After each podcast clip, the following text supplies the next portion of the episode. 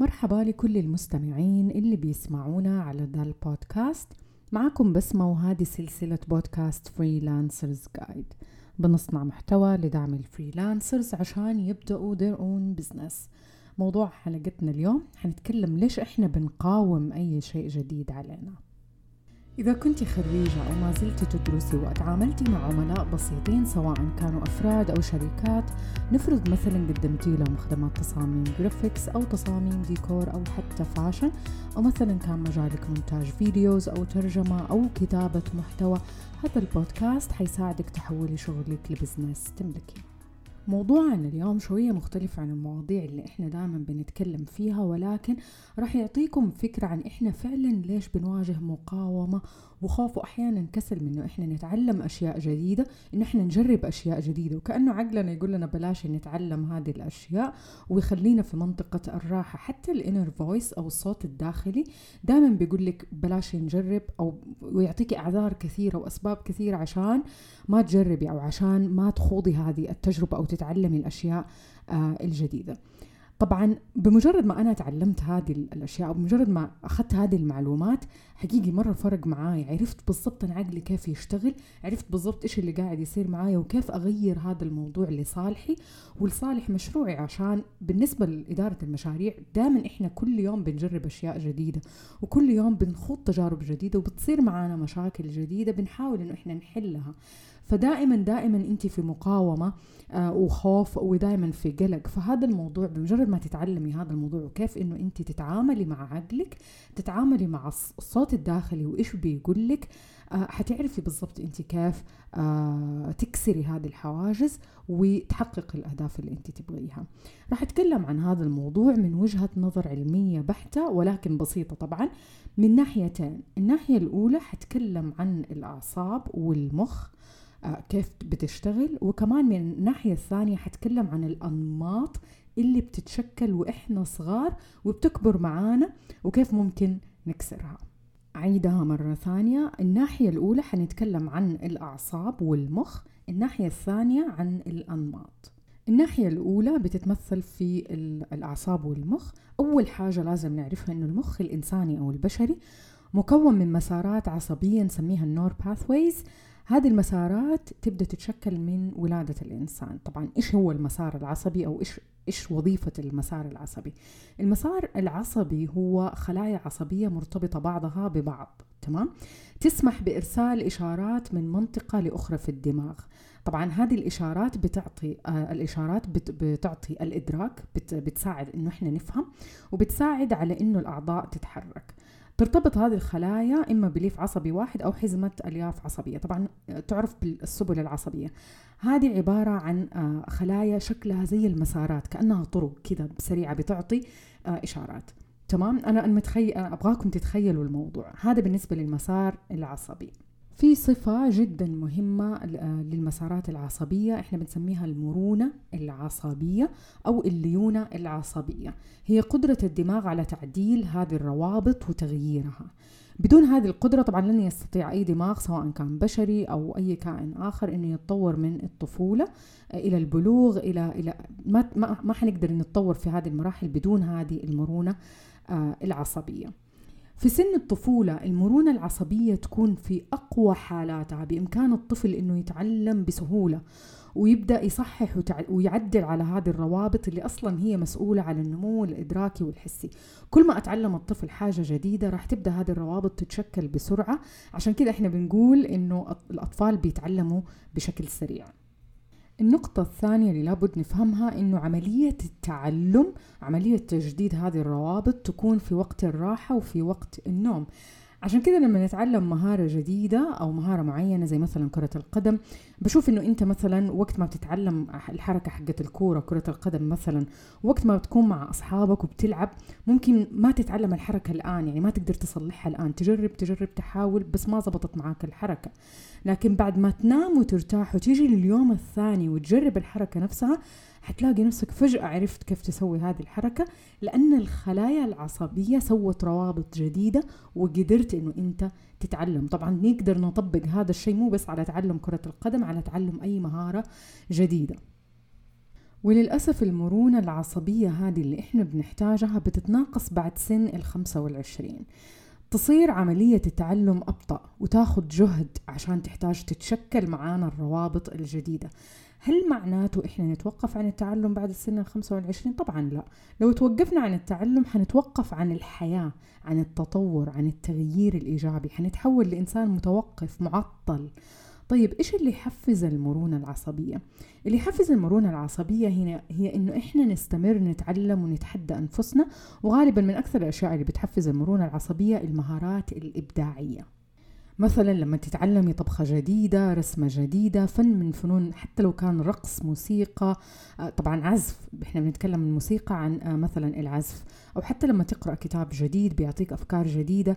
مثلا تعلم السباحة ركوب الدراجة تتعلم مثلا تمارين رياضية جديدة أو رياضة معينة أو لعبة مثلا تحفز الدماغ. مهما إيش كانت هذه اللعبة سواء كانت يعني لعبة حركية أو لعبة لعبة آه، يعني أفكار كل هذه الأشياء بتنمي عندنا المرونة العصبية اللي إحنا نحتاجها عشان ننمو فكريا ونعيش حياة ممتعة نعيش حياة كاملة حياة صحية نكون إحنا مستمتعين بالحياة. لأنه ما في ولا شيء جالس آه، يفوتنا من متع الحياة وروعتها. من هذه المهارات اللي إحنا ممكن نتعلمها مثلا مهارات الإلقاء مهارات إدارة الفريق إدارة مشاريع لأنها تحتاج معطيات جديدة كل يوم. أنت بتاخذي معطيات جديدة كل يوم وبتتعلم شيء جديد كل يوم وبتتعلم حتى وإنت ماشي بهذا العمل لفترات آه، طويلة. هذه واحدة من أهم الأشياء اللي ابغاكم تحطوها في بالكم لأنه التعلم المستمر ضرورة من ضروريات الحياة. أنا أعرف إنه في ناس كثير جدا تقول لكم هذا الكلام وبتسمعوا هذا الكلام تقريبا كل يوم لكن حاولت في فكرة المرونة العصبية إنه أنتوا تفهموا فعليا إحنا ليش بنحتاج ننمو كأشخاص وكيف إحنا بننمو. أبغاكم تشوفوا حوالينكم العائلة الأصدقاء مين منهم في تعلم مستمر ومين منهم التعلم متوقف ومتعطل في في في زمن معين. أتوقف عن التعلم أتوقف عن النمو. أكيد حتلاقوا.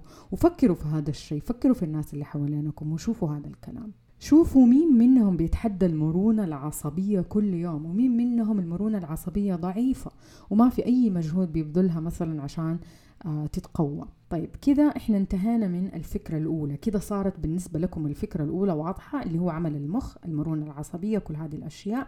كيف إحنا بنتعلم وكيف مهم وقت الراحة إنه إحنا نتعلم أشياء جديدة وكيف إنه إحنا المرونة العصبية نحتاجها عشان نعيش حياة آه كاملة أو حياة آه ممتعة. طيب الفكرة الثانية والأمر الثاني اللي أبغاكم أبغى أتكلم فيه وأبغاكم تفهموه اللي هو الأنماط. طيب إيش هي الأنماط؟ الأنماط الإدراكية أو ال cognitive style أو نمط التفكير أو النمط المعرفي آه، هي عبارة هذه العبارات إحنا بنستخدمها في علم النفس عشان توصف الأسلوب اللي بيتبعه أي فرد في التفكير في فهم المعلومات وفي كيف بيحفظ هذه المعلومات والأسلوب المفضل في استعمال هذه المعلومات لحل أي مشكلة مثلا أو أي آه، عقد جالسة بتواجهه خليني أسألكم سؤال حيساعدكم تفهموا إيش يعني أقصد بالأنماط. طبعا الأنماط هي أسلوب هي طريقة طريقتنا إحنا في تعامل الأشياء. خلينا نشوف المثال. لما تشوفي غرفتك مثلا مقربعة إيش الشعور اللي أول شيء يخطر ببالك؟ طبعا القربعة مو انت سويتيها أحد ثاني سواها. طيب آه، ابغاك تفكري إيش ردة فعلك حتكون لما تشوفي غرفتك اتقربعت من شخص آخر؟ غالبا النمط اللي إحنا تربينا وتعودنا عليه إنه أول شيء راح نشعر بغضب شديد. الغضب هذا راح يتحول على طول إلى كلام. الكلام هذا إيش حيكون إيش حيكون شكله؟ إيش صار في غرفتي؟ أنا كم مرة قلت لكم لا حد يدخل غرفتي أنتم ما تفهموا. والله ما راح أنظفها. المهم أنتم تجوا تنظفوها. هذه الأشياء كلها حتكون ردة فعلنا. هذا نمط. خلاص لما أشوف غرفتي مقربعة هذه ردة فعلي. ثبتت معايا. هذه واحدة من الأنماط اللي ثبتت معايا لأني أتعودت عليها من زمان. وهذه ردة الفعل هذه تكون تلقائية وخلاص تصير تلقائي يعني. إحنا ما نعرف إحنا ليش بنسوي زي كذا يعني ليش دائما ردة فعلنا زي كذا بس هذه طريقتنا في ردة آه، فعلنا. لو جينا أصلا للشعور وجينا فككنا الشعور وحللناه حتكوني أصلا في البداية محبطة زعلانة لأنه شعرتي إنه اللي في البيت ما يقدروكي ما يحترموا خصوصيتك. وكمان حتكوني شعرتي إنهم ما يهتموا فيكي ولا يحبوكي لأنهم لو كانوا يحبوكي ما كانوا أتصرفوا بهذه الطريقة. وما كانوا أتصرفوا في غرفتك بإهمال وكأنهم قللوا من احترامك. لما تفهمي الموضوع بهذه الطريقة حتتواصلي مع الناس مع الشخص اللي سبب هذه المشكلة بطريقة أفضل. حتبدأي تفهميهم أنت ليش شعرتي بهذا الشعور وليش حسيتي إنهم احترام احترامهم لك قل هذا الشيء راح يخليكي تشعري بشعور جيد لأنه خلاص وصلتي لهم الفكرة هم فهموا الفكرة وما عاد حيتكرر هذا الموضوع مرة ثانية. بدل ما تكون ردة الفعل اللي هي الهجومية اللي طب أنت ليش معصبة؟ طب أنت إيش إيش ردة فعلك زي كذا؟ طب إيش يعني إيش حنسوي لك مثلا؟ خلاص اتقربعت خلاص. لكن لما أنت تجيبي الموضوع بطريقة فعلا إيش إيش الشيء اللي صار؟ وتفهميهم هذا الشيء ليش سبب لك هذا الانزعاج هذا الإحباط هذا الشعور بال بال بالسيء. حتعرفي بالضبط انت كيف تتعاملي آه، مع الموضوع. ولاحظي إنهم حيسمعوا لك بشكل أفضل لأنك وصلتي مشاعرك بشكل آه، أفضل. فكرة الأنماط خصوصا هذه الأنماط اللي هي المعرفية حتعطيكي حتعطيكي آه، فكرة إحنا ليش أول ما أحد يجي يقول لك أبدأي مشروع تقومي تقولي تجيبي الأعذار وال 666 عذر اللي جاهزة في بالك وأساسا أنت ما تعرفي هي من فين جات هذه الأعذار بس جات لقطيها من واحد من اثنين من ثلاثة لقطيها من أي مكان. بس لستة الأعذار تبدأ على طول تشتغل. عندنا 666 عذر نحطه عشان ما نبدأ المشروع حقنا لأنه خلاص صار عندنا نمط في التفكير عندنا إنه أنا ما أبغى أبدأ مشروع لأنه أنا ما عندي آه مثلا آه ما عندي إمكانيات ما عندي فرص آه أهلي ما حيساعدوني ما حد حيشجعني. كل لستة الأعذار هذه حتبدأ تطلع معاكي. عشان تعرفي وتغيري هذه الأنماط بمجرد ما تفهمي إحنا ليش عندنا الأنماط هذه بتتشكل وكيف إحنا ممكن نغيرها كيف إحنا نستخدم المرونة العصبية في تغيير هذه الأنماط في تغيير طريقة تفكيرنا في إنه إحنا نتعلم أشياء جديدة ونبدأ نغير المسارات اللي جالسة بتصير ونبدأ نتطور ونتعلم ونقاوم الكسل ونقاوم التأجيل آه نقاوم فكرة إنه إحنا نكون دائما في دائرة الراحة. عن طريق فهم هذه الحاجتين الأساسية اللي هي المرونة العصبية وكيف بتشتغل عندنا المرونة العصبية والأنماط وإحنا كيف بتتشكل عندنا الأنماط وصعوبة تغيير هذه الأنماط آه إنه أنت لازم تكوني منفتحة وعقلك يكون متفتح إنه أنت تبدأي تتغير معاكي هذه الأنماط من نفسك أنت تبدأي آه تغيريها. في النهاية حابة أذكركم إنه أتعلمي أشياء جديدة أتحدي نفسك لا تنامي على المرونة العصبية.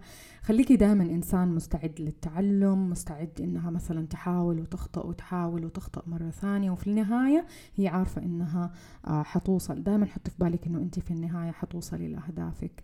آه شكرا لكل اللي بيسمعوني. أتمنى تكونوا استفدتوا. لا تنسوا تشتركوا في البودكاست على Apple Podcast وكمان على SoundCloud عشان ما تفوتكم ولا حلقة. تابعوني على انستغرام على at freelancers underscore guide. هناك حتلاقوا محتوى مميز وشيق وجميل وراح يلهمكم وحتنبسطوا فيه. إذا حابين تعرفوا عني أكثر ممكن تزوروا موقعي على www.بسمالجهني.com أتمنى تكونوا بصحة وعافية ونلتقي في البودكاست الجاي بإذن الله.